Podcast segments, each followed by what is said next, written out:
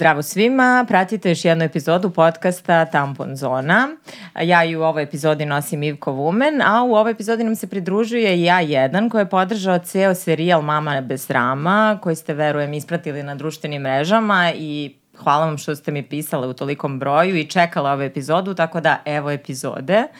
I to evo je u nekom stvarno, ja bih rekla, najboljem obliku, jer su sa mnom sjajne žene. Uh, i ja volim ovako da se zahvalim na početku svim ženama. Mislim da ste danas ovde zato što je svaka od vas nešto uradila za mame u nekom trenutku. Čitajte mene.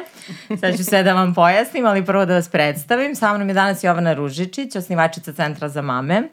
Mislim da za tebe, Jovana, ne moram da nabrajam šta sve radiš za sve mame u Srbiji kroz hvala. svoju organizaciju, tako da hvala ti na tome. Uh, Staša Koprivica, čiju sam kolumnu Raspomamile čitala pre nego što sam dobila bebu i bila dosta pripremljena, pisala si sa Anom Vučković-Denčić.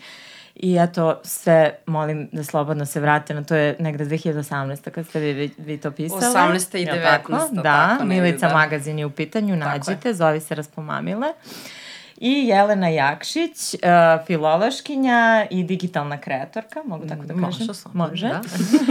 uh, koju i dalje pratim religiozno na društvenim mrežama i zbog kojem ima činstvo onako nekom svakodnevnom nivou bude lakše, zato što određenim stvarima priča bez stigme, otvoreno, iako postoji nešto što možemo da kažemo pravi način pričanja o toj temi majčinstva, mada evo odmah ću i sebe da poreknem i da kažem da i u ovoj epizodi šta god budemo pričale, to su neka individualna iskustva, ne pravila, tu smo jednostavno da osnažimo sve žene koje se možda nalaze sad u tom prvom najranjivijem periodu majčinstva, mada i kasnije ne bude nešto drugačije. Ali dobro. hvala vam što ste tu. Htela bih možda da počnemo sa tim, sve ste mame, kako vam je izgledalo majčinstvo pre nego što ste postale mame? Taj pop kulturni paket majke koji ste očekivale da ćete dobiti i kako će to sve izgledati i možda šta vas je tu najviše iznenadilo kad se stvarno desilo? Ti si mi najbliže, ja, Jelena. Može. I vidim da si se spremila. da, pa moram da pazim na posturu. Ovaj, mene m, je možda najviše šokirao taj moment um, nepovezivanja s detetom onog instant. Jer u filmovima mami daju bebu i ona krene da plače i to su neke emo, emocije koje iz nje nabujaju. Meni se to nije desilo. I meni kao bilo, ok, što nije u redu sa mnom? Sećam se babice koja mi daje moju čerku Aniku i ja je gledam kao, šta je ovo? Je ovo kao šta, to je izašlo iz mene, kao dete, ovo je dete, ovo je moje dete. I govorim babica, pa poljubi je. Ja kao, Ja čak nisam imala taj moment, sad ću ja da...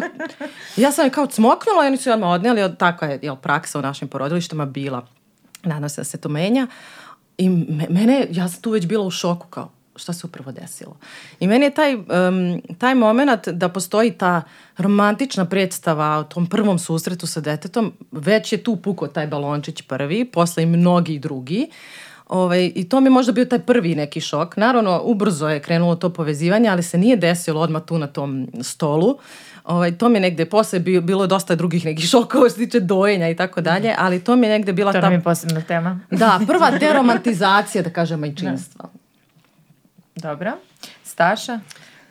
Pa isto iskustvo imam, da. moram da, da kažem da, da nekako svi stalno očekujemo taj ogromni talas nekakve mm. ljubavi, nekog otkrovenja, neke promene. E, mimo, mimo ovoga što je sad rečeno, mislim da je to da uh, ja sam štreber po prirodi volim da se spremim, ja sam se zaista spremila. Ja sam pročitala i literaturu, išla sam na pripreme. Da li si googlala kako izgleda placenta? Uh, ja sam ne, gledala, ja sam gledala snimak prirodnog porođaja u kući, okay. ono sa krupnjacima ovaj, bitnih delova tela i tako dalje. Ne, ne, ja sam rešila da apsolutno budem spremna, naravno mm. nisam bila spremna na to da, da će sve poći naopako i da ću otići na hitan carski rez i da neću imati to kao instant povezivanje povezivanje da mi stave moje tek rođeno dete na grudi i tako dalje, nego ću se probuditi ono x sati kasnije unezverena potpuno. Mm. E, tako da to je jedna stvar, a druga stvar, baš zbog toga što sam bila štreber, više nisam, e, e, je to da nema načina da znaš kakvo ćeš dete dobiti. Absolutno. I da je svako dete priča za sebe.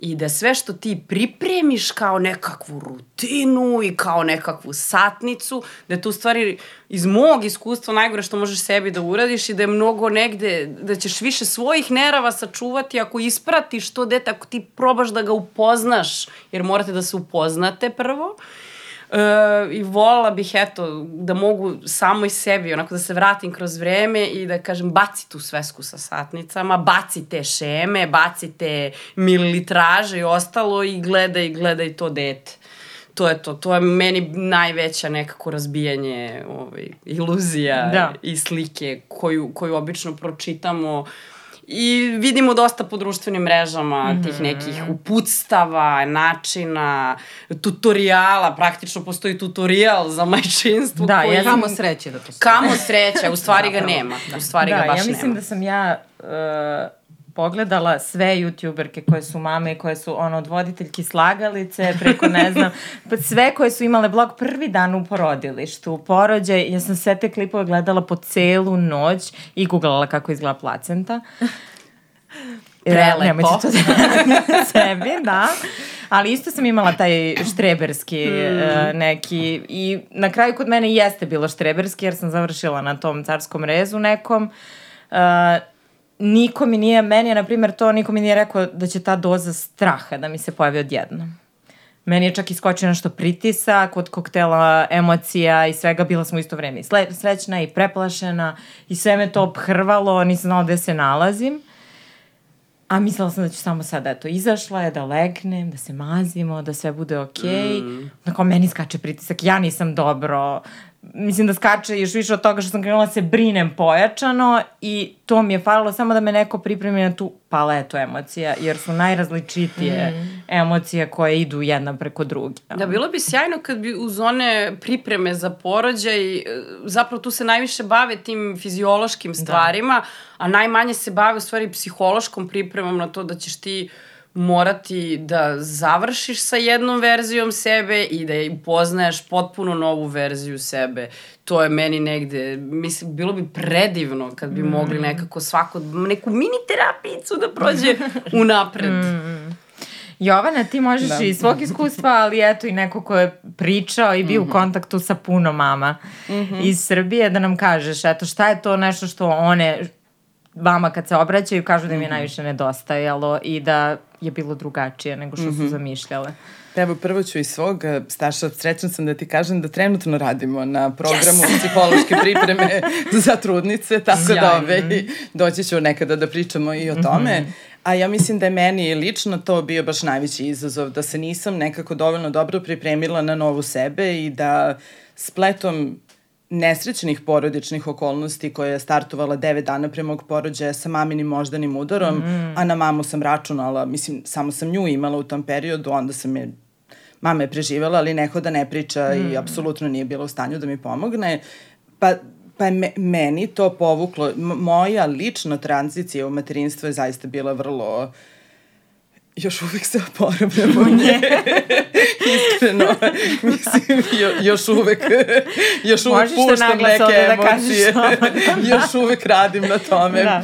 Ali zaista, mamin možda ni udari u mom slučaju startovao gomilu nekih ne, nedobrih porodičnih dešavanja I ja se sećam da sam, ove, kad sam bila trudna, prihvatila da govorim na nekom događaju deset dana posle mog poročaja, računajući da kao, naravno, mislim, izaći ću iz kuće, vratit ću se za sat i po vremena.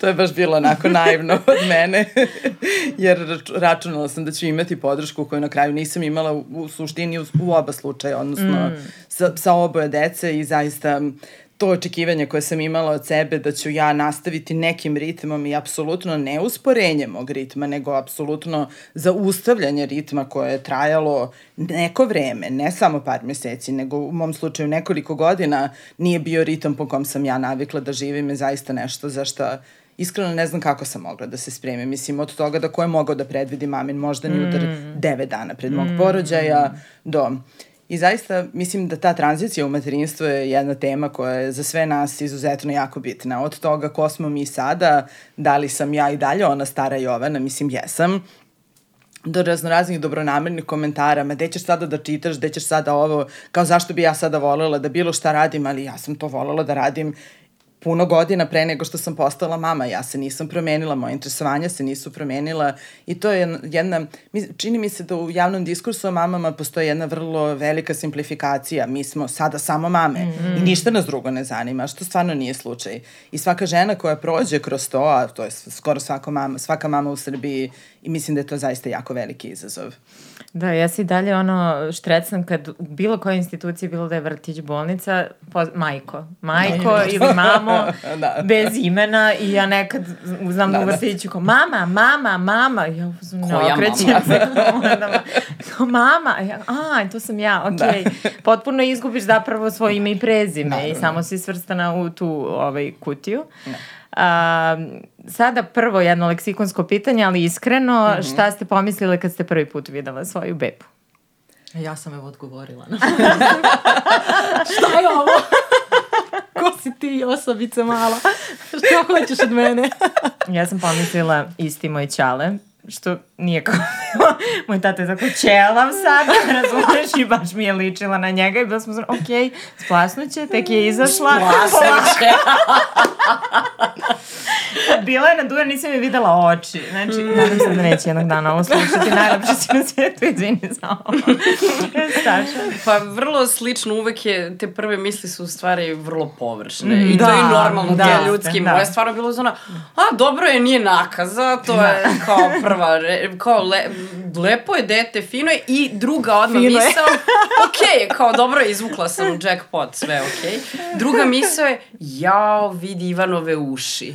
I kao, ovo je definitivno Ivanove uši i to je jedino što smo uspeli da identifikujemo odmah šta je nasledila.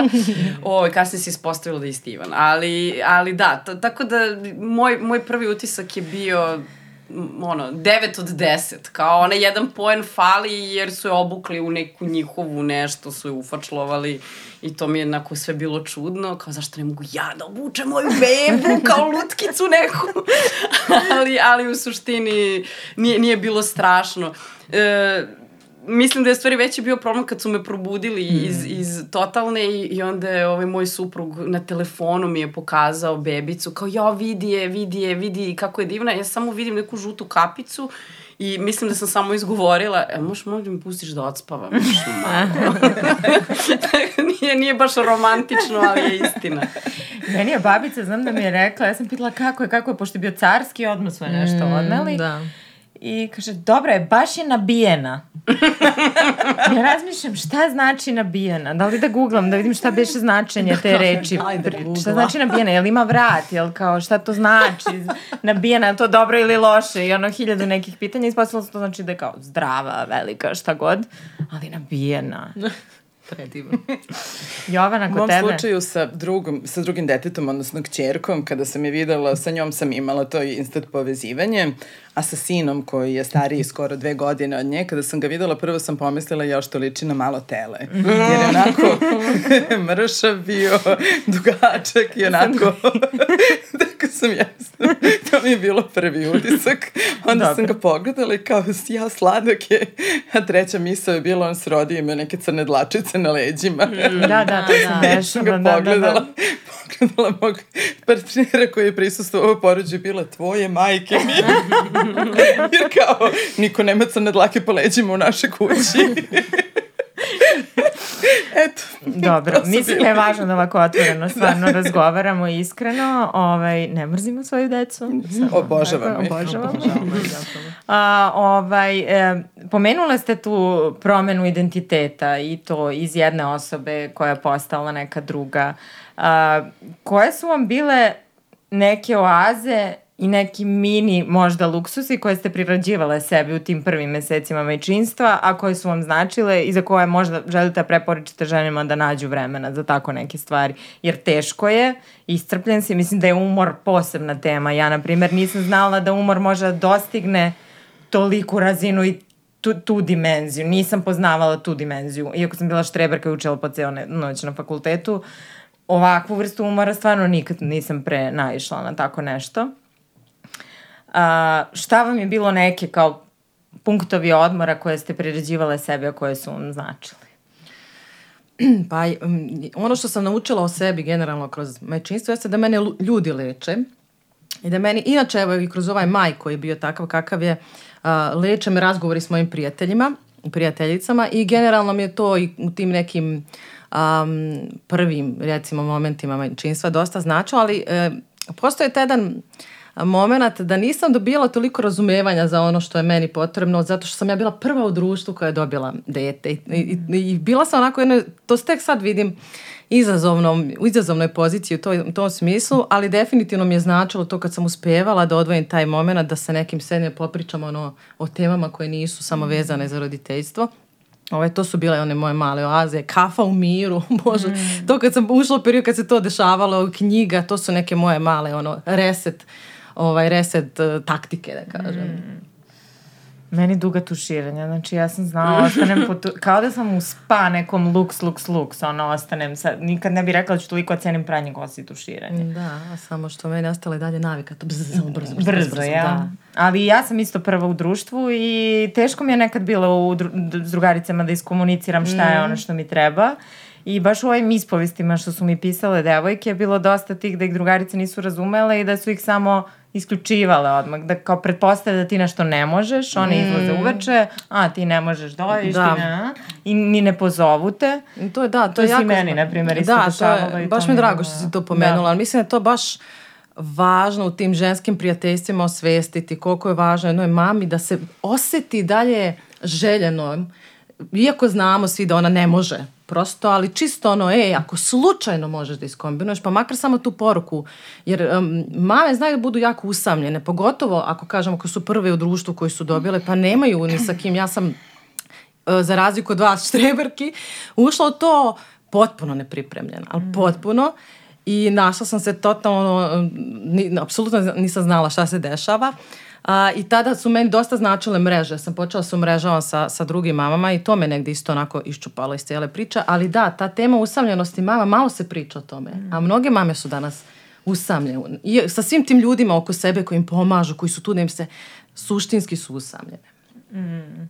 Pa zato što m, i dalje i u tim društvima i u tom okruženju dete ipak kao primarno mm, i svi brinu da, o njemu, da, a ne pita niko baš to mama kako si se zvalo i vaše istraživanje koje ste radili. Uh, A, da li se sećate prvog izlaska iz kuće nakon porođaja? Jovana, ti si rekla da si imala nastup posle deset dana. na ja koji pamtim, nisam otišla. E, nisi na kraju, da. Ja pamtim odlazak ono do pekare posle ne znam koliko. Da, meni je bilo odlazak do ideje koji je bio možda recimo nekih nedelju dana nakon povratka iz bolnice. Pritom to ja, ja, ja sam dojila i dojila sam, no što se kaže, na zahtev i mm. to je se pretvorilo u kao, kao neka permanentna Simbioza. infuzija. Znači imala sam malu nalepnicu ovde ovako i to je kao bukvalno s, konstantna neka. I u jednom trenutku morala sam da odem da kupim nešto i nisam uspevala da objasnim ukućanima šta je to nešto što mi tri dese. To je kao ja ću.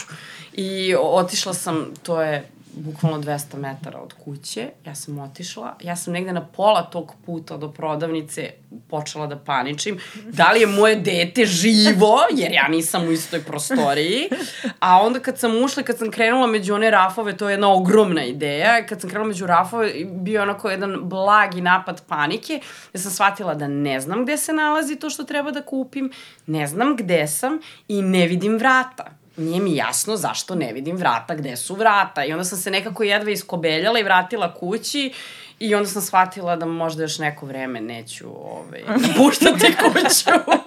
Što ne kažem da je normalno, da. mislim da. da je to bio jedan od prvih znakova te, te neke ozbiljne anksioznosti koju sam ja razvila i pre trudnoće i pre pore, ali tada je naravno zbog umora pre mm. svega i promene eskalirala i jedan od razloga zašto sam na kraju otišla na terapiju, mm tako da to svakako je majčinstvo ubrzalo taj proces e, i, i, i, ne, i pomoglo mi u stvari da shvatim da postoji problem koji mora da se rešava. Mm. Tako da sa te strane me na neki način spasilo. Da. Ovo, iako, je, iako su stvari baš zbog umora koji pominješ onako dosta jako eskalira. Mm, mm. Meni je bilo slično, ja sam išla do pekare koja je isto tako 200 metara i prvih 50 sam bila srećna što sam izašla i čula onako svoj dah posle dugo vremena i malta neska kutala, kupila šta mi treba I onda shvatila da je moje dete, ne znam, samo, o, bez da, mene i da se nešto da. dešava gore, ne znam šta. I krenula, ja mislim, najbrže da trčim u životu i sa knedlom u grlu. Mm. I kad sam pritisla taj interfon, kao, spa, kao da je smak mm. sveta, ono se dešava i ja moram da se, ja ne mogu da vam opišem tu količinu uznemirenosti. A to je ta separacijalna da. anksioznost o da. kojoj pričaju kod beba, koja krene mm. negde od tamo oko desetog meseca, niko ne priča da mame to imaju, ono, vrlo, vrlo rano se da. njima javi zapravo. Jest bukvalno termin ono koji postoji u psihologiji što se tiče mama Jest. i što se tiče beba. Da. Jeste. Šta više ima, ima taj moment da se, pošto mi sa decom dok su tako mala stvarno delimo svaku emociju i prelivaju se sa mm. nas na njih i sa njih I na nas i to. I onda u stvari to je najveći problem što, što ti moraš da budeš dobro da bi dete bilo dobro, a ti nisi dobro i onda to tako i krene ta lančana, ono, ciklična reakcija, gde onda na kraju ste i ti dete vrlo anksiozni, jer dete osjeća da si ti uznemirena, mm. što je problem, mm. a ne pomože da mi kaže, dobro, ali sad se smiri, pa kao, evo, klik, smirila sam se. Mm. tako da to je negde, mislim da je to baš ozbiljan izazov. Mm.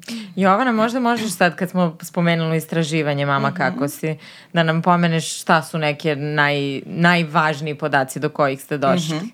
To istraživanje koje smo sprovili sada ima dve godine mm. i zapravo je rađeno tokom covid na godišnjicu pandemije. Želeli smo da vidimo kako je pandemija uopšte uticala na mame, ali bavili smo se i nekim drugim temama i pokušavali da razumemo da li su se stvari promenile tokom pandemije, došli do toga da se veliki broj mama, više od njih 60% osjeća usamljeno i sada možda je pandemija ogolila neke stvari, ali ja sam sigurna da te brojke danas da ih radimo, da ne, ne bi, bi bile, mnogo da ne bi bile da. mnogo drugačije. Jer baš ova usamljenost o kojoj smo već pričali je nešto što je, čini mi se, sastavni deo i što sastavno boji majčinstvo. Od drugarica koje više ne zovu jer računaju zašto bi želela da ideš, pa naravno da želim, do toga da neke ne zovu zato što misle da ćeš pričati samo o bebi, a to mm. zaista stvarno nije tačno. Imam i dalje, sve imamo i dalje iste interesovanja i iste stvari pratimo i pokušavamo da razumemo kao i pre dece.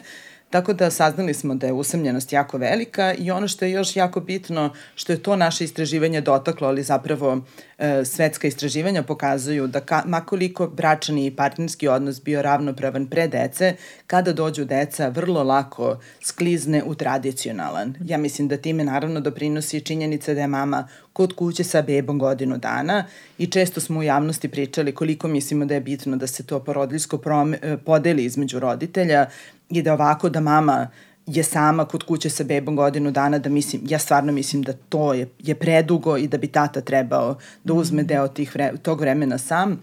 E pa, ovo je zapravo naše istraživanje samo dotaklo, ali vrlo je lako tada kada se, kada se rodi dete, rađa se mama, ali rađa se i porodica, rađaju se novi partnerski odnosi koji ako se u tih prvih godinu dana postave da bude mama radi sve, a tata dođe, gostuje, pomazi i kaže ja što je slatko i nastavi svojim putem, tu postavljamo, tu postavljamo način na koji će porodica dalje funkcionisati.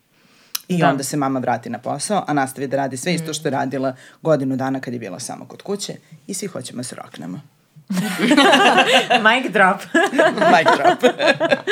e, koliko je vama značila uopšte podrška partnera? Mislim, glupo i podrška da kaže, to je učestvovanje, da. ono više da. ni ne da znam kako da se... Da li ti pomaže tako što je promenio pelene da, da. našeg deteta? Da, da. Da li ti pomaže što je opravo sudove? Ja sam skoro dala jedan intervju baš vezano za ulogu oca u mojoj mojoj kući, jel? I meni je to onako, ta njegova uloga um, i učestvovanje ovaj, najprirodnija neka stvar. Mislim, imamo četvoro dece i stvarno je sve i da neće mora. Mislim, prosto ako želim da ja ostane tu zdrava u glavu, a i fizički. Ovaj, I, ok, taj, um, taj intervju je objavljen i naiše na takav bum. Ljudi su reagovali kao da sam ja sad ispričala o nekom ocu koji ono sleteo s Marsa tu potpuno druga Da, da, ali generalno oko, mi oko, u našem okruženju stvarno imamo takve oče. Dobro, ja sad ne znam tačno kakva je situacija nekome u kući, ali ono sa strane što vidim I on apsolutno ravnopravno ovaj, učestvuje sa mnom. Meni je sta smešno više pitanja, on ima neke obaveze uh, u kućnim poslovima. Meni, kao stvarno sam u fazonu, zar nismo to prevazišli, da, da, da. ali očigledno je da nismo mm. i da su ovo sad samo neki izuzeci. Um, smatram da je uloga oca jako važna i da se malo o tome priča koliko je važna ne samo za porodicu nego i za dete. a, i koliko je važno za njega u toj nekom razvoju samopouzdanja kao oca. Jer dosta puta se desi situacija da mame isključe tate iz te uloge. Mm -hmm. u smislu, ja se znam, da, ti ga pre, ne znam, ja presporo preslačeš, ti ne, ne znaš, da. ne znaš da ga umiriš uh, i tako dalje i da se on negde prosto povuče. Um, negde moja poruka je uvek da ih što više uključujemo. Ok, jesmo mi nekako se tu brže snađemo, mada se je moje iskustvo govori da je on nekad za Aniku, pošto s njom bilo nekako najturbulentniji taj postpartum period, jer je prva, ovaj, on je nekad imao više osjećaja za nju, šta njoj treba nego ja sa nekim svojim fiksacijama, ne znam, moram da dojim, moram sad da dojim, pošto sam baš imao problema sa dojenjem u tom prvom iskustvu, on je više imao osjećaja za nju da prepozna šta je treba. Mm. Mislim da tu malo treba da se povučemo i da ih pustimo ili ako vidimo da oni ne bi da učestvuju, da ih malo, da ih uključujemo. Mm. Staša Da, ja, ja imam ovaj, sad glupo kažem sreću, nije to sreća, da, kao, ne, ja sam ne, sad to... kao hvalimo nešto ne, ne, što bi ne, trebalo da je najnormalnije. Vrlo da. to, izabrala sam osobu ko, koju volim i poštujem u svakom smislu, pa da, ne, mi smo nekako, mi radimo iste poslove, slično, pa u istoj smo struci, reditelji smo, on je reditelj, ja sam rediteljka, znači radi, pišemo oboje, I poslovi su nam takvi da kad uh, jedan radi, ovaj drugi mora da preuzme sve, manje više. Naročito u tim poslednjim fazama pred premijeru, sad da li je njegovo snimanje filma ili je moja predstava i, ili šta god.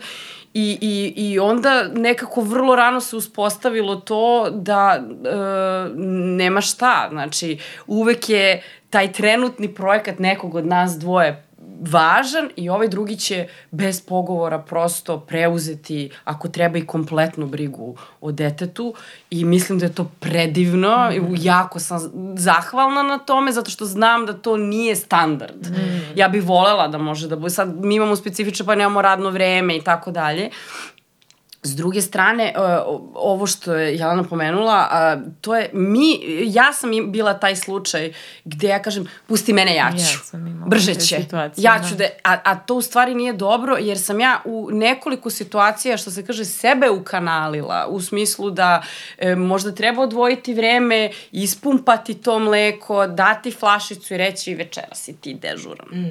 Ja, to, ja sam preuzela na sebe, ali ne zato što nisam imala podršku i pomoć imala sam ogromnu, znači i od supruga i od njegove porodice uh, i od moje porodice, stvarno bila sam sa te strane zaštićena. Mm. A, ali to, ja ću najbolje, ja ću najlakše, neću ja sa drugima da, da pravim dodatni problem i onda se desi da ne spavaš tri godine mm. i to ostavi... Sedam. E, da, da, sedam. Ove, ovaj, a, a onda s druge strane to tvoje nespavanje od tebe napravi osobu mm koja zapravo nije neko društvo i mm. po, pretvoriš se u neku najgoru verziju sebe i u stvari kreneš da kažnjavaš te ljude oko sebe je jednom i onda da. stvari sam si sebi napravio tako da upravo to da nekako osvestimo da bi mnogi od njih vrlo rado učestvovali ako ih pustimo mm. i ako ih informišemo šta mm. to znači jer mislim da i oni žive to je verovatno i ona bolje zna sa ogromnom količinom nekih predrasuda, mm. društvenih pritisaka, mm. očekivanja mislim da je u, u ovakvom svetu kakav jeste da nam je svima teško da se nosimo sa predrasudama i muškarcima i ženama. Mm. Mi smo pre par godina pravili neku fokus grupu za tate, pokušavajući da razumemo kako, koje su to osobine i kako to dobro rade, šta, šta dobro rade tate koje su vrlo angažovane. I sada nije bio ogroman i veoma javan poziv, ja sam unutar svog kruga i koleginica unutar svojih krugova, želeli smo desetak tata da skupimo.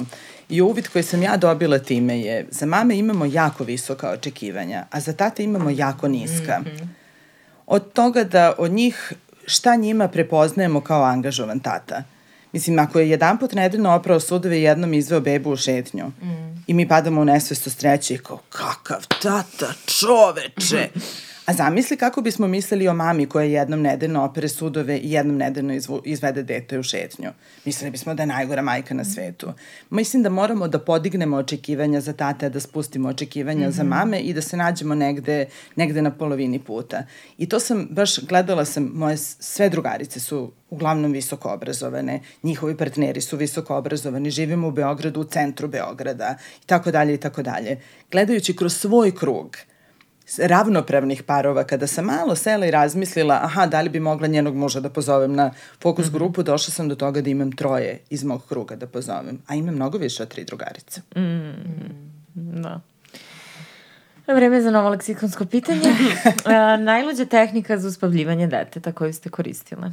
Da li imate neki? Pa moje nisu bile nešto lude. Znam za slučajeve da stave dete u ćebe pa ga onako nunaju. Nisam znala. Da, to su ne, ne, naše ja okruženje, nečiji baba i deda, bukvalno u ćebe, dete, to su baba i deda uradili. Ali nisam, imala sam ono da vozim u kolima, fan, dobro, fan, aplikacija. Aplikacija ja, sad, sad ima, aplikacija, da, da, da, da, da. Ali uglavnom, ja kad sam otkrila dojenje, ja sam to arčila samo tako. Takođe, jedan od razloga da. super produženog dojenja. Ja sam dojela decu kao ono, to, Afrika pre 18 vekova, ali ne zato što sam to planirala, ali što sam u ja sam organik, to naprotiv. Da. Nego, to je, Olakšava tako se uspava za minut.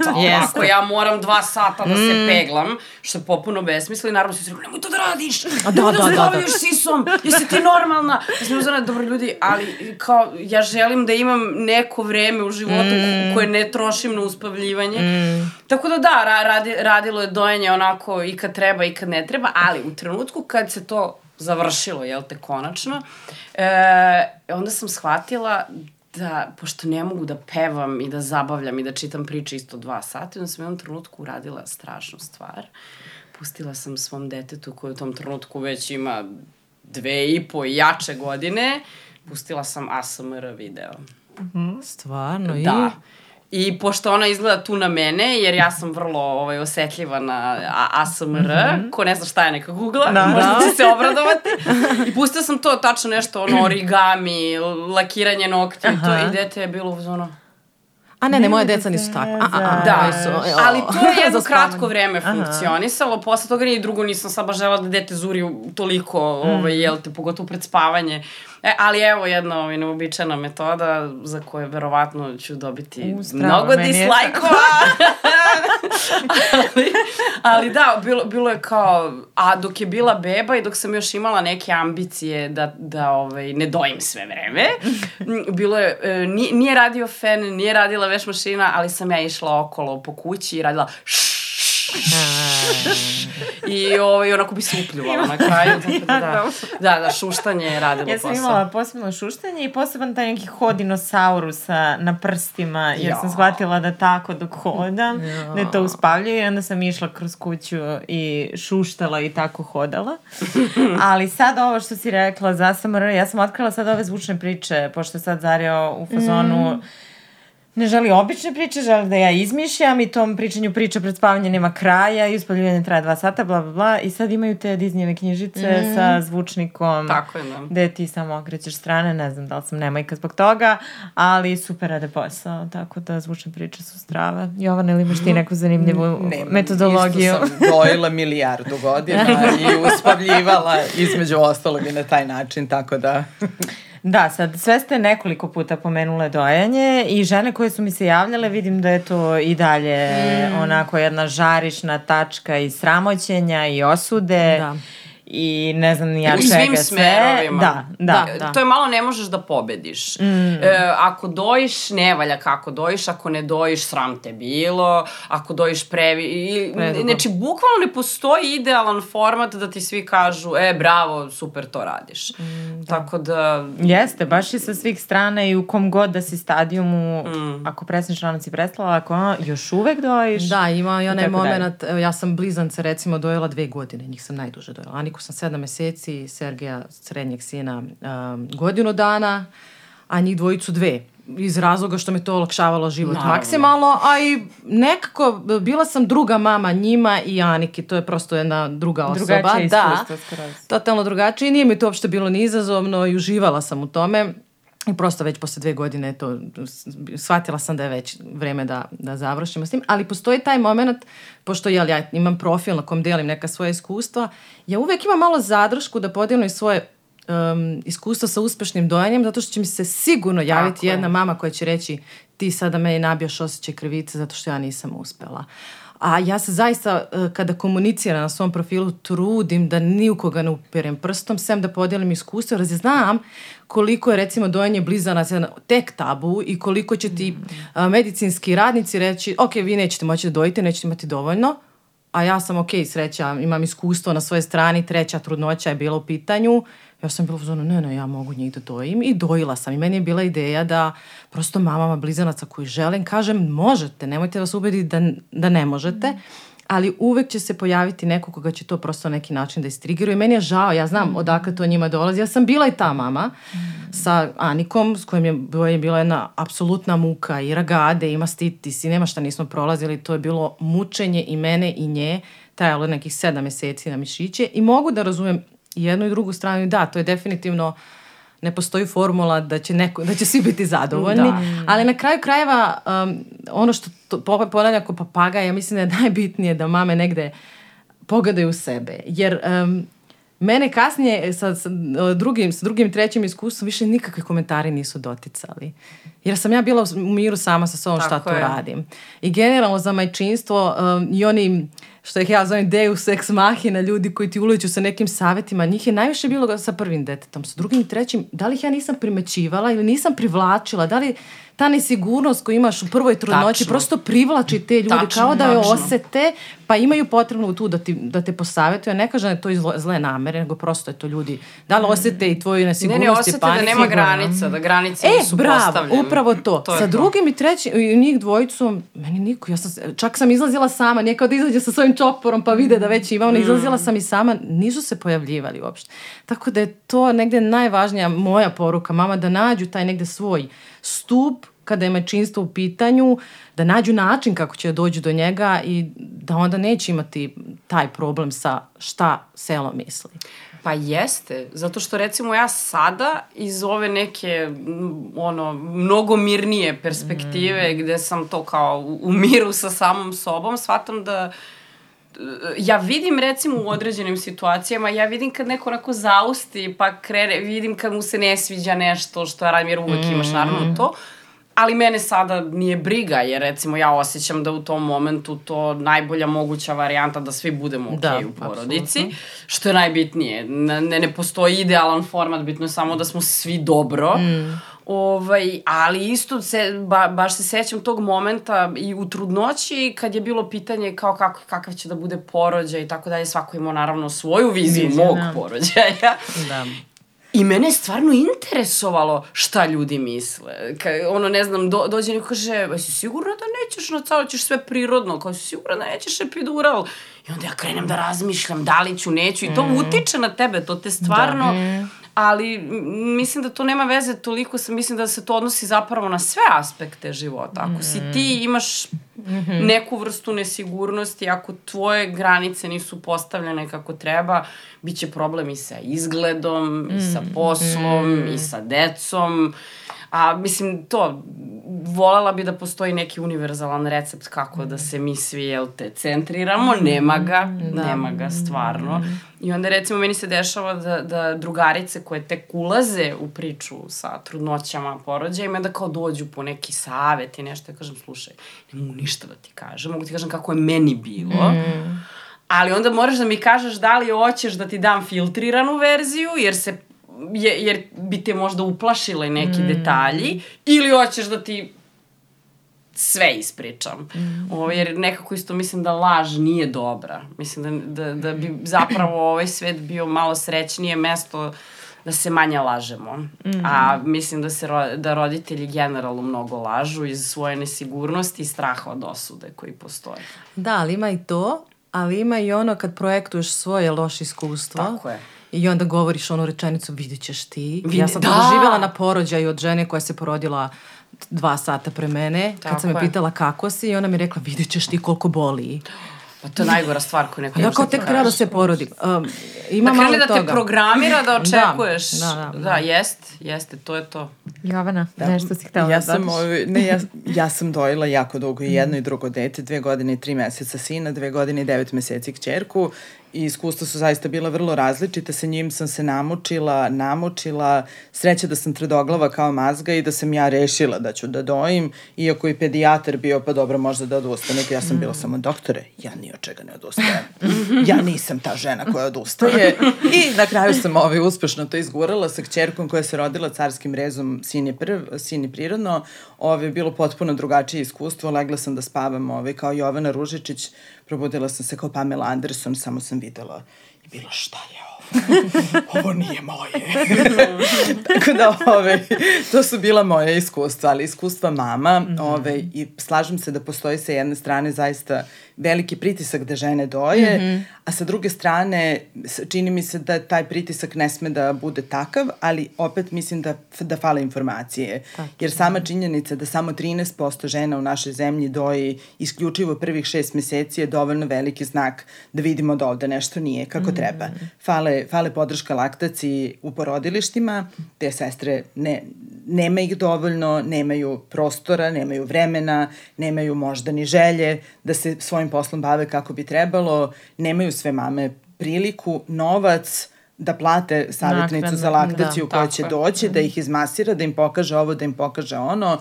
Dakle, sa jedne strane ima pritisak, a sa druge strane ima nula podrška. Mm. Ali mislim da je to u suštini jedna, jedna ključni način da se opiše mečinstvo u Srbiji. Veliki pritisak, žene rađete, žene mm. rađete, žene rađete, ali podrška pa ne moramo baš da, ne treba da bude. Tako da to počinje sa dojenjem. Mm. Da, tačno. Mada meni se čini da se malo stvari što se tiče dojenja menjaju. Mm -hmm. Ne znam kakve su statistike, da li se de, desio neki napredak. Mm. Jedno vreme sam to pratila, ali dosta se pojavilo tih savjetnica za dojenje koji dele besplatan sadržaj mm -hmm. na mrežama, gde yes. stvarno može da se radi. Ja sam uz, ja znam zašto sam prošla tako kako sam prošla s prvim dojenjem, što sam ušla u to, pa kao to je najprirodnija stvar na svetu, šta ima tu da se kao što pripremam mm. i onda me realnost pljusnula. Ovaj, sada stvarno su informacije mnogo dostupnije. Mene baš interesuje, da, ako mm. nemate tu informaciju, da li, se, da li je porastao taj procenat mama koje, koje doje uspešno? U odnosu recimo na pre 10 godina. Ne, ne znam. Da, da. Ova brojka 13% je od UNICEF-a. Mm -hmm. Stvar, stvarno ne znam. Mo, mož, možda jeste. Nadam se da jeste. Jasno, da. Ali da. Da, meni je prva reakcija, sećam se sestre koja mi se podsmehnula kad je videla da Zarija urla u porodilištu i da ja ne umem to da namestim, koja se nasmejala, kao, a ne znaš ni da je smireš ili tako nešto mm. prokomentarisala.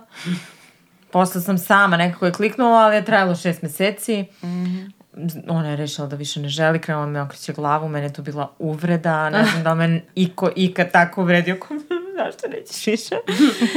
Ali mislim da je važno da fali informacija, trebalo bi da mhm. znamo kako se, ali negde da osluškujemo i to kako se mi osjećamo da, i da kakav god da je izbor da je stvarno u redu i da nema mesta za, za osudu. Da, Absolutno. mi da. ne znamo uopšte, u stvari, mislim da puno zavisi od to kao pojedinačne biografije, yes. mame kako će se nositi sa tim. Mm -hmm. Postoje žene kojima, znači, imaju fizičku mogućnost da, da to rade, ali imaju niz nekih drugih stvari koje im to otežavaju i čine to nesnosnim iskustvom. Mislim da ipak to kao mentalno zdravlje iznad Jest. toga da li će dete piti da, uh, mamino mleko ili formulu. Na kraju dana, mislim, porastu deca zdrava prava, ništa im ne fali. Jest. Ja sam recimo pozitivan primer u smislu, ja, pošto sam se ja porodila u bolnici Meljine mm -hmm. u Herceg Novom i tu se rodi pet beba nedeljno. Ja. E, ali šta se tu dešava? Ti imaš priliku da se sestre bave tobom. Mm -hmm. Iako je to institucija koja je državna ili poludržavna, ali tebi stvarno dođe neko u nekom momentu i kaže, e, nemoj pod tim uglom, aj probaj ovako, bit će ti lakše. Stavio je, samo namesti je ovako. I ja sam imala taj slučaj da je meni došla inače jedna vrlo mlada sestra koja nema mm. svoju decu, ali ima očigledno iskustvo i znanje i koja mi u dva minuta samo mi je ovako pomerila bebu i kaže, gledaj ovaj ugao, sada ti se ne bi... Znači, na, dala mi onu najbazičniju obuku koja je mnogo značila. Mm da sam ja prošla stvarno predivno u smislu da je... I onda mi je isto tako jedne noći su mi rekli biraj, hoćeš da je povučemo kod nas u boks, ali ovo je treća noć, tebi će doći mleko. Mm. ajde probaj da ostaneš budna, probaj da se vas dve malo tu da počneš, znači objasnila mi je zašto, kako, nama nije problem da brinemo o bebi i da se ti odmoriš, ali znači će ti, mislim da je to mm. ono što fali, mislim mm, da bi absolutno. ženama mnogo pomoglo da postoji makar jedna osoba pet minuta da, da razmeni da, sa tobom neke, neke elementarne informacije. informacije jer neće svaka žena otići da googla, nije ni Google idealan, ima puno Nije, dezinformacija, da ima puno svašta. gluposti. E, samo da ti eto dođe neko da ti kaže, da ti ovako pomeri glavicu be, bebe pod uglom koji je dobar za, za dojenje. Eto. Mm. Ali i to i da ti se lepo obrati. Da. Da. da ne bude majko grab za sisu i mm. idem dalje svojim tako putem je, i ne znaš da dojiš, mm. nego da bude možeš ti to, evo vidiš mm. ovaj ugao, da se neko tema, lepo odnosi prema tebi. Da, to je sad ta tema da je zdravstvo, mislim, generalno na Balkanu u takvom stanju, da ja nekako nekako i stvarno razumem čak i te najnervoznije ljude jer sam, mislim, ne, ne, ne pravdam, Jasne. ne pravdam, ali na kraju dana kompleksno je, mislim baš da. ima više Mislim da je to baš koje, da. rezultat komple, urušavanja kompletnog sistema, pa se i to Jeste, vidi. ali je jedna specifična stvar za porodilište, različito od svega drugoga, da u porodilištu imamo samo pacijentkinje. Tako je. Nema pacijenata, samo tako pacijentkinje. Je, tako je. Mm. I ipak je to i pitanje rodne ravnopravnosti. Kako tretiramo žene u društvu, tako se one tretiraju u porodilištima. Da li mislimo da je neko histeričan ili mislimo da je to jedan normalan proces kao što mm. jeste, da li je, na koji način način tretiramo žene i te kako se ogleda, kakvi smo kao društvo u porodilištu. I sećam se za vreme kada smo mi radili naše istraživanje Sloboda rađanja, gde smo saznali da svaka deseta žena u Srbiji nikada više ne želi da bude mama samo zbog iskustva koje je imala mm. u porodilištu. Moja mama je bila u bolnici tada nekom drugom zgodom. Sećam se da zdravstvo je tako kako jeste, ali ona nije bila tretirana na način kako su nama pisale žene da su tretirane. Tako da jeste, Urušilo jeste zdravstvo, se, da. ali jeste i rodna ravnopravnost i kako uopšte tretiramo žene. Mm. I njihovu bol. Mislim da, da. ženska bol, ono i, i različite... iskustvo. Da, mm. da. Ne samo bol, iskustvo. Da. Uh, ja sam se skoro čula uh, sa sestrom koja, uh, čija partnerka se porodila u, u Švedskoj i imala je jako traumatičan porođaj, beba se nešto zaglavila bila i tako dalje, ali hoću da kažem, ona ima 10 dana nakon izlaska iz bolnice sazvan sastanak unutar bolnice gde će biti svi lekari koji su učestvovali u tom porođaju, gde će samo ispričati šta se desilo ono, stepenik po stepenik, iz minuta u minut i bit će psiholog koji će da popriča s njom o njenim emocijama, kako se ona osjećala mm. za to vreme, jer je trajalo malo duže nego što je trebalo i to je sastanak koji će trajati 10 minuta. I to je malte ne samo pruženje informacije, Ja kad sam to čula, koliko je to To je ono što važ. se meni desilo da. što je meni falilo. Da. Jer su da. svi bili u fazonu, ej, preživela pa, si. Ži, da. Preživela da. si, dobro si. Kao, okej, okay, prošla si ono 20 sati neuspešnog prirodnog porođaja, završila se carskom rezu. Sve okej, okay, i ti beba ste dobro. Nije I to, okej. Okay. Da. Nije da, okay. to stvarno, ja sam recimo se sa, pr, sa pr, sinom i čerkom porodila u državnom, a sa blizancima u privatnom porodilištu. I taj odnos na, u tom postpartum periodu je stvarno krucijalan. Pa da, prosto se taj pritisak sa, sa žena budućih maj rodi, pomeri mm. na uh, sistem, da. uh, omogućite im da rode dostojanstveno. Mm, znači, ja mislim da. stvarno u pitanju elementarno dostojanstvo ljudsko. I uopšte se ne priča o tome koliko ta taj događaj posle utiče na samo majčinstvo i mm. razvijanje majčinstva i različitih je. nekih osjećanja u tim prvim mesecima. I na bebu. I na da. beb, pre da. svega. Na bebu, da. da, da. da. Ali ne. i na osjećaj, izvini, ne, ne, i na osjećaj samoj prema sebi. Da li, ako misliš da si bila sposobna da rodiš dete, misliš da si sposobna da budeš kao mama, da budeš mama. Ako ti u porodilištu govore grozne stvari koje govore, od mm. toga nisi se drala kad si ono, ali sada se dereš, mm. do toga da ti si ovo, ti si ono, mislio sam da ćeš znati, mislio sam da ćeš znati, kako ne znaš ovo, kako ne znaš ono, mm žene izlaze ubijene u pojem iz mm. porodilišta, a onda se to pretače na partnerski odnos, na odnos prema samoj sebi, da. na odnos prema bebi, na odnos koliko veruješ da možeš, jer uče nas da je sve kao prirodno i mi imamo te prirodne instinkte, ali zapravo u porodilištu saznaš da možda baš i nemaš mm. i da možda baš i mm. nisi i onda posle toga dođeš kući i trebaš da veruješ da ti to možeš. A koliko žena stvarno veruje? Ne baš da. puno. Da. Tako je. Mislim da je to jedna od stavki, to nas uvek ide ona priča kako je tvoja baba i da. tako dalje.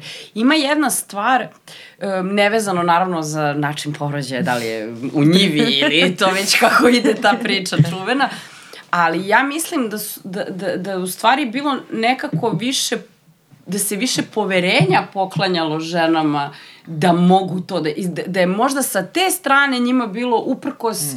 uh, patrijarhatu i tako dalje, da kao ti ćeš biti dobra. To je malo ta sugestija. Mm. A sad kako se sve dovodi u pitanje, mm. e, pogotovo sa internetom, mrežama i tako dalje, i sad postoji e, hiljadu vrsta roditeljstva, e, hiljadu škola roditeljstva, hiljadu tih nekih stvari, uh, mi počinjemo u sve da sumnjamo, najviše u sebe. Da li sam ja ispravno, da li ja ispravno vaspitam ovde, da li ja ispravno dojim, da li ja ispravno ovo radim, da li postoji. Mislim da smo opterećeni i da samim tim i nastaje taj, taj, taj moment, a onda tebe tako nesigurno, ti još dođe i kaže, zašto neš da rađaš? To, to je ono što da. ti moraš da uradiš. Mm. Tako da mislim da, da, da stvarno kad, kad bi postalo to nekako poverenje društva u žene i nas u sebe same da, mm. da bi se promenila ta slika oko želje za rađanje. E, da, i sad kad si spomenula to tih hiljadu školica i sijaset nekih informacija kojima bivamo bombardovane, da li same išle po njih ili one dođu do nas, a, meni je jako strašno što se desila ta vrsta takozvanog mom shaminga, mm -hmm ne znam kako ga prevedem, mm -hmm. mama srama. mama srama je odlično. Sramoće, da. Sramoćenja mama. Sramoćenja da, da. mama, da. A, koje ide zamaskirano nekako kroz a, neku vrstu pomoći, netraženih tih saveta, mm -hmm. a zapravo sve što izađe iz toga jeste jedna doza sramoćenja i kritike. Ovaj, I verujem da su žene same podložene tome nekad i nesvesno to urade, misleći da one znaju najbolje jer su prošle kroz neko iskustvo pa žele da posavetuju, ali to neko bude previše izričito. O, koliko ste se susretale s tim i da li imate neki savet za neki odbrambeni mehanizam? Pošto je u poslednje vreme rekla bih baš imamo inflaciju svega toga. uh, to je baš teško pitanje. Baš teško pitanje. Ja se sećam da sam postala svesna toga kad sam uh, stavila neki story sa Zarijom da jede neki voćni jogurt. Ne znam, veštački, sa veštačkim zaslađivačima ili čime Kakva god. greška. Ali bukvalno je bio u pozadini, ono, slikala sam je kako se igra ili ne znam šta i dobila je Rafal poruka. Kao da. koliko ima godina kad si je dala šećer, nemoj to što ne probaš sama da izničiš bananu i jagodu ili ne znam nije šta. Ali, znate koja količina komentara? Baš Znam. nisam očekivala. da, da, da. da, da, da li to dolazi iz te... Um, iz tog momenta da osjećamo majčinstvo kao lično jako nama bitnu stvar i onda želimo da tu budemo najbolje, kao to tu ću da pokidam, ovaj, kao moram da pokidam, da li je to neka sad biologija u nama, ne znam, ne znam šta je. I onda kao da u tim svojim nesigurnostima tražimo sada potvrde okolo da vidimo, aha, ona ne radi ovo sad dobro kao ja, znači ok, tu mi je jedan poen sad za mene. Ne, ne znam odakle to dolazi, ali da, jako je prošireno. Ovaj, ali ja sebe ne znam kako sam izlečila od toga. U stvari, nisam se ja totalno mm. izlečila. Imam ja, imam ja te mame mm. s Instagrama da. zbog kojih se osjećam kao manje vredna, mama kao a mogla bih i ja sada ne, neke rutine da uvedem, nešto da promenim, da izbacim šećer, da ubacim.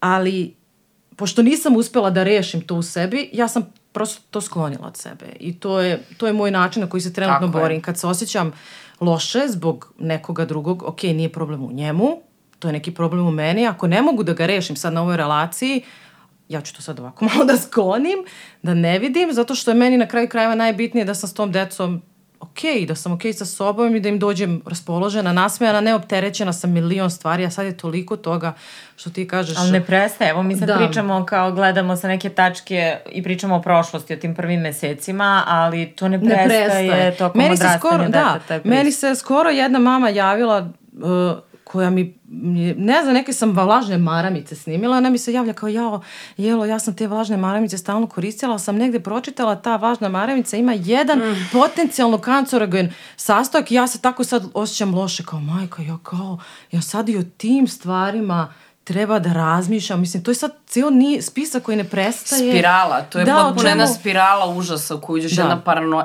Ali, mislim, tako je trenutno sa svim aspektima. Uh, uži, a, je, a onda da, se naravno oslikam da. na to jer ulazimo u te ono, teorije zavere su svuda, pa da. i u roditeljstvu. Mm. Uh, mene su spasile u tim situacijama to kao kako ja sam, zašto moje dete neće da spava? Zašto ne rade? Uh, uh, mislim da je jedno od velikih opasnosti interneta su ovi treneri spavanja dece. Da, ja mislim da je to iskreno mm. maltretman ozbiljan. Da, da. Uh, ne mogu da kažem da nisam čak u nekom krajnjem stadijumu očaja probala neke nežnije metode, mm. ne onaj nesrećni Ferber, kako se mm. zove, koji je čisto zlostavljanje po mom mm. mišljenju. Um, ali stvarno ta, ta krivica koju ja osjećam, jer ja nisam sposobna da naučim dete da spava, iako je to nešto što ide razvojno da, i to dete uči da. kao hod. I onda mi u stvari upravo to pomogla mi je uh, jedna drugarica koja je iskusna mama, ima dvoje dece i koja mi je samo rekla, ovaj, te pitam jednu stvar, je li tvoje dete zdravo? Pedijatar kaže da je zdrava? Ja kažem da, kaže da je zdrava. Dobro, jel se uklapa u one razvojne, kao, ja rekao da. Dobro, jel znaš odraslu zdravu osobu koja ne zna da spava? Ja rekao, pa ne znam. E, pa dobro, naučit će. I, i, I onda sam ja nekako počela da prenosim taj sistem kad god meni neka drugarica da. zakuka, ja kažem, dobro, je li ti zdravo dete? Jeste. Pa naučit će, brate, mi u nekom mm. svom momentu kad... I onda to obično malo, eto, kao pri, primiri ljude. Da, ja stala kažem suprugu, mislim da neće baš sa 16 godina tražiti da mi uspavljujemo. Pa to, znaš, ne, kao, kao znaš odraslu osobu koju neko mora da nuna, razumeš, dok, dok ne zaspi. Pa je onda bila ta priča i sa pelenama i sa svim tim, da. ali mislim da je bitno da ljudi nauče da prepoznaju šta je dobronameran stručan savet, a šta je biznis. Mm. Jer u roditeljstvu sada, ne u roditeljstvu kao pravom, nego u toj cijeloj industriji roditeljstva, eto i tu nam je ovaj kapitalizam da, uzeo zašao. svoj danak, uh, ima puno biznisa i to se prodaje i savetovanje se prodaje i online kursevi se prodaju i e, treba prosto videti šta je nešto što je zaista korisno naravno Vredno, tu postoje vali ljudi stvari, terapeuti da. koji su, mm. rade s ljudima i koji su vrlo korisni ali mislim da ima dosta ljudi koji su nestručni i kao što postoje life coachevi koji nisu mm. kvalifikovani za bilo koju vrstu savjetovanja, kao što postoje treneri nutricionisti koji nisu uvek kvalifikovani, tako mislim da postoje ljudi koji zarađuju na tuđoj nesigurnosti, strahu i nesreći. Mislim da je to jako opasno i da, da treba ljude upozoriti na vreme mm. na to. Mm. Pomenula se grižu savesti, polako nam ističe vreme, to je tema za sebe. Ja mislim da je stvarno, mislim, nemamo savet kako da ne osjećate, ja se i dalje borim s tim i ne znam. Ali sam rešila postavim jedno leksikonsko pitanje, a to je najgluplja stvar zbog koje vas je grizla savest neka u vezi sa detetom sad razmišljam. Imam, imam ja. Ja imam spisak, sad ne razmišljam šta smijem da kaže. Scroll. imam ja jedno zato što sam iz nje baš izvukla uh, vrednu lekciju. Mislim, deta su naši veliki učitelji. Ja kažem, ja imam četvoro i prezahvala sam. Svako od njih su, svako, svako od njih je osobica za sebe posebno. A bila jedna situacija sa Anikom u vrtiću, bio je dan dece i nama roditeljima su rekli da u ponedeljak uh, donesemo svi balone helijumske da deca to puste. I dolazi ponedeljak i ja ne da mi nije pameti bio taj balon, ga apsolutno nisam kupila. Balonara radi od 9, a ona je već od pola 9. Ovaj, sad ja čekam, cupkam da kupim taj balon, a, zovem um, supruga i on kao ne mogu da verujem, ona će biti jedina koja nije pustila balon. Ja sad već zamišljam nju kako ona plače, kako ona jedina nema balon, znači griža savesti milion. I sad oni su pustili svi te, te balone, ona je dobila kasno svoj balon i ja kao, Mico, izvini, ona kao, e, super, moj sam leteo i kao, on je njih stigao, ona već iskonstruisala neku priču, ja kao, ja, crkla, sad vremena crkla i onda u stvari, kao, kako deca lako u stvari prevazilaze, sad je to, i upala sam onu zamku, ona ne sme da nema nešto što imaju svi a što kao ne želim joj, da tako. I, i samo mi je ona izlečila od toga svojom nekom verzijom priča o svom balonu koji, ja sad da napišem priču o njenom balonu koji sad tako juri ostale balone. Ali totalno bilo smešno, smo mi napravili toliko dramu oko nečega što njoj je bilo kao, muško. Da. Imam sličnu priču, bio je uskrs i trebalo je svi da pošaljemo dva kuvana jaja koje će deca da farbaju u vrtiću. A ti zahtev iz vrtića, ja. Ja sam videla da je... Ja sam videla, ja sam videla da je, da je, da, nestaje i posle sve gore, verujem. Ja sam skuvala ta dva jaja i videla sam da je jedno pukla mm -hmm. i stavila sam ga u ranac i pravila sam se da ne vidim da je puklo. Ja. I onda sam cijel dan... Gdje će ti duša? znači, socijalna radića ako ovo slušaju. Ali ja sam ceo dan razmišljala o tom puknutom jajetu, ono, i dan danas mogu vam nacrtam ono liniju kako je bilo puklo, od prilike koliko da. me grizla savest, a kao sad kapiram da nije zapravo to ništa. Da. Posebno. Da. Mislim, imam gomilu priča. Da, da, naravno. Ja, ja sam jednom ovaj, uzela pare od dečijeg dodatka koji pri, primamo i koji je to ima ovako jedna lepa kutica i mi stavljamo te i to su Lucijine pare u smislu idu za stvari koje uh, uzela sam ovaj, njen dečiji dodatak i kupila sam sebi kremu. Kakva je ispovest. Da, ja. tužite me. Šta da radim? ja sam ovaj, pošto sam dug niz godina radilo sa mamama pre nego što sam postala mama, zaista onako to osvetlila i osvestila sama sa sobom i zaista su vrlo redki trenuci mm. kada imam grižu savesti i gomilu puta sam zaboravila da pošaljem šta je trebalo sa njima u školu, u vrtić ili kako već e, pokušavam da to rešim tako što, se, tako što sam u kontaktu sa mamama i jedna drugu podsjećamo. Mm. Evo ja sad u mojoj maloj ženskoj tašni imam 170 metara vunice koju ću kada dođem kući da podelim na troje dece jer im sutra treba za likovno. Danas sam ja kupila, neka druga mama će neki mm. drugi put i tako dalje i tako dalje. A, moram spomenuti jednu situaciju kod koje ne osjećam grižu savesti, ja volila bih da je osjećam, a to, je, to su ti slatkiši koje stalno pojedem detetu i uvek kad pojedem ona mi. Znaš, kao prvo bude neću, ja pojedem i ona mi traži to. I onako, bude mi malo loše. Pa da, ali u stvari spasila si. Pa da, ja sam žrtva. Gledaj to tako. Ti radiš za dete. To je žrtva. To je žrtva. To je žrtva. Ja ne znam koliko sam puta moje deci, deci rekla da je Nutella ljuta. Mama, šta to jedeš? Je to ljuto? I ljuto i gorko ne bi vam se dopalo. A jeste lepili ovaj čo, kockicu čokolade za nepce kad kažem da vidim šta je. Da, da, da. Ne. A ono gore zalepljeno čokolada. Da, da, ja to imam sa gaziranim sokovima. Ovaj, za koje znamo da su užasni i onda mama šta to piješ? Ako to je sok za odrasle mm. to deci nikako baš je loše za njih prestanu da rastu. Ovaj da nije baš uh, najlepša laž uh, možda ću je čak napraviti i traumu ali bože moj Uh, hvala vam puno na ovom razgovoru. Staša, htela, sam htela jedno pitanje još da kratko možda kažemo. Mene su, na primer, uh, retroaktivno izla, izlečile neke serije o majčinstvu koje sam krenula da konzumiram naravno u tim prvim mesecima nisam imala toliko vremena, jednu epizodu sam gledala 20 dana. Sad imam i baš mi znače, baš uh, vidim tu neku pravu sliku majčinstva, necenzurisanu, bez stigme I možda eto da ti podeliš samo, jesi možda ti gledala neku i da slušateljkama uh, ja preporučimo. Ja sam pasionirano izbegavala da. bilo šta što ima, što veze, ima veze sa majči. Čak mm. uh, autora koji inače vrlo cenim i volim, mm. uh, tipa Tali kad se pojavila mm. i to svi su rekli moraš da gledaš, bravo, ovo je, ovo je tvoj fazon skroz. Ja sam rekla nemam je, da, snage. Da I zapravo kompletno sav sadržaj koji sam u to malo slobodnog vremena konzumirala tada i knjige i serije bile su vrlo za odrasle, vrlo krvave, vrlo ne, ne, ja nevezano za to. Ja sam Leftovers se gledala. I to možda nije najbolje treba... rešenje, da. Leftoversi baš onako indukuju ozbiljnu depresiju. Uh,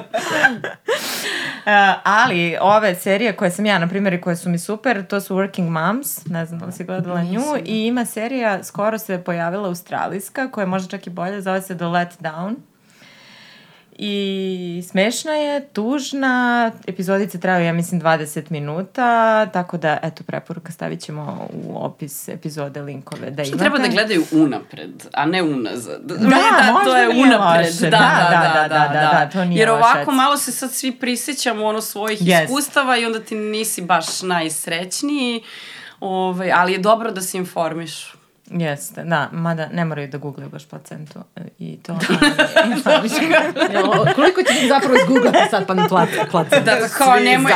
Da, da vidim šta je to video. Hvala vam puno na razgovoru, mislim da smo spomenule neke važne stvari. Jako mi je važno da spomenemo da kako god da se mame osjećaju u ovim trenucima da je potpuno okej okay i da je to negde najranjiviji period života. Uh, važno je da istaknemo i da ta osjećanja mogu da variraju i da imaju različite intenzitete i da je važno da se potraži podrška ukoliko vidite da to preuzima neke dimenzije i da utiče na kvalitet vašeg života. Uh, tako da je ta psihološka ili kako centar za mame voli da kaže emotivna podrška mm, jako da. važna. Obratite se, imate i centar za mame, stavit ćemo isto link do telefona u opisu epizode. Start Hub Kosjerić takođe nudi besplatnu psihološku podršku. Uh, obratite se, Hvala vam puno. Eto, ne znam da li za kraj imate još nešto da dodate ili da poručite eto, nekim mladim mamama koje možda sada slušaju ovaj podcast, mada mi je čudno da shvatim da imaju vremena da preslušaju sve.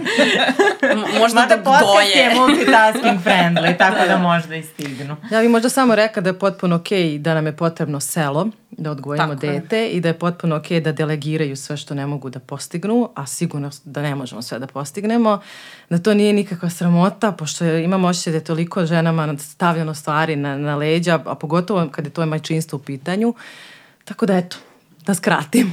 Dobro, da, pa i, i, i to da su deca mnogo otpornija i izdržljivija nego što, nego što mislimo. mislimo. Da, I da treba nekad da imamo poverenja u svoju decu.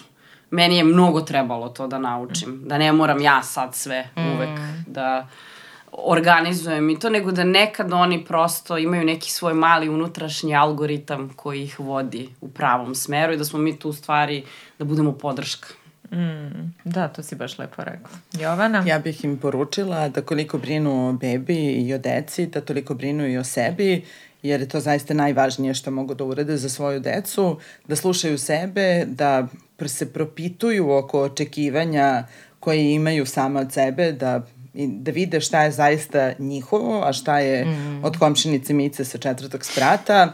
Dakle, da budu svesne šta je, to, odakle im to što misle da mora i da maze sebe i da neguju sebe, jer treba će one toj deci još dugo, dugo, dugo, dugo. Hvala vam puno, hvala svima koji ste slušali. Nastavite da pratite ovaj projekat Mama bez srama, spremamo još nešto novo. Uh, tako da pišite u komentarima kako beše kažu, vaša lična iskustva Da, podelite ja, s nama. Podelite s nama. ne morate da podelite. Ovo prozivka na moj rad. Nije, ja to radim ponekad. Dobro, sad ćemo se ugasimo. Hvala vam puno. Ćao. Hvala tebi.